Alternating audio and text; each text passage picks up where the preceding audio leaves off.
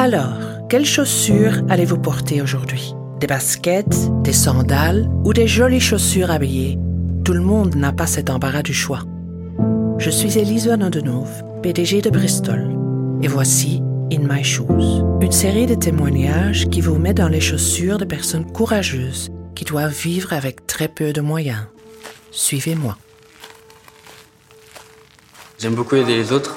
J'ai fait beaucoup d'années euh, en institution et du coup, ben alors, euh, c'est vrai que ce serait plus facile pour moi parce que du coup, je comprendrais mieux, je comprendrais mieux ce que ressentent les jeunes en institution et je pourrais plus les aider. J'aime bien. Je m'appelle Daddy. J'ai 16 ans, bientôt 17. Euh, en fait, euh, avant, c'était ma mère et tout. Et il y avait eu des problèmes, du coup, elle savait plus trop s'occuper de moi. Et du coup, elle, elle a juste m'a placé ici pour euh, mon bien. Et du coup, je suis resté ici. C'est mon internat, je ici depuis que j'ai 5 ans et enfin, je suis le plus vieux qui est resté plus longtemps ici.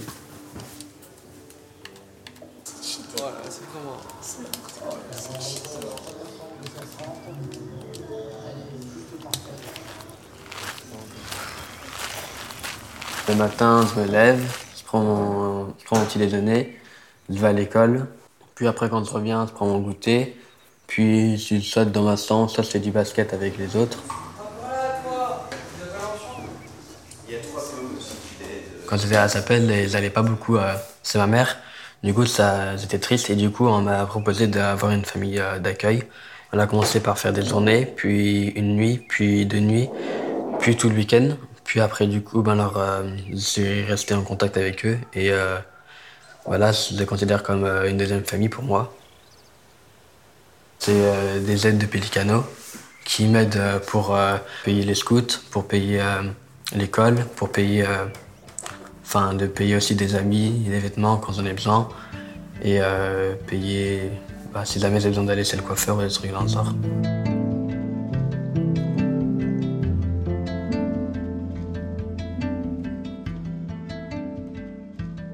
Avec euh, la SAPEL, donc l'internat. Pendant les vacances, euh, il y a un groupe qui va à la mer et il y a un autre groupe qui va en Bretagne. Et moi, c'est le groupe qui va en Bretagne maintenant. Et euh, je vais avoir l'occasion d'aller en Italie avec les scouts. On s'est énervé, j'ai envie de faire de la musique. Moi, de base, envie d'apprendre la guitare. J'en ai parlé avec mon beau-père, il m'a dit qu'il essayerait de m'acheter une guitare. Il y en a une qui faisait du piano avant, elle m'a appris quelques trucs et du coup, je fais ça quand je suis énervé pour me calmer. J'écoute Seb Sad, c'est de la musique triste, mais ça j'aime bien. J'écoute Keizo, c'est euh, de la musique euh, un peu euh, dramatique. Et j'écoute T2R, c'est de la musique d'amour. Ce que j'aime bien dans la musique triste, c'est que ça me parle beaucoup parce que ça parle des, sentiments, ça, ça, m'aide, ça me fait penser à ça. Et c'est nostalgique, quoi, et ça m'aide à pouvoir en parler avec quelqu'un. Si j'avais des euh, paroles à, écrire, ce serait euh, sur l'amour et sur la tristesse. Quand c'est énervé, je parle avec ma copine et ça me calme. Ou alors de parler avec mes potes sur un jeu vidéo. On avait fait une promesse à nos potes, c'était de... Si jamais on, avait du mal euh, dans, le problème et tout, on, serait là pour les autres.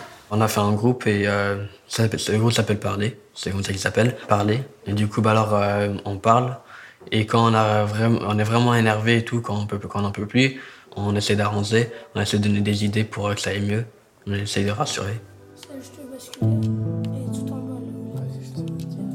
J'aime bien aider, j'aime beaucoup aider les autres.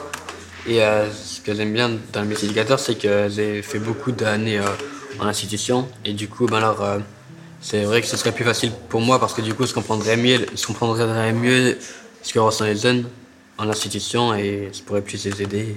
J'aime bien. Je vais avoir une maison pas trop grande ni trop petite, avec un jardin.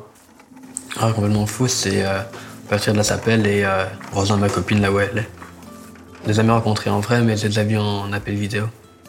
Elle me dit qu'elle veut vivre plus tard avec moi, euh, elle va avoir un enfant. J'ai envie d'être papa. Cet été, pour chaque paire de chaussures en cuir pour enfants vendues, Bristol fera un don de 5 euros à la Fondation Pelicano.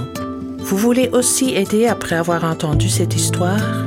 Faites un don dans l'un de nos magasins ou sur le site de la Fondation Pelicano.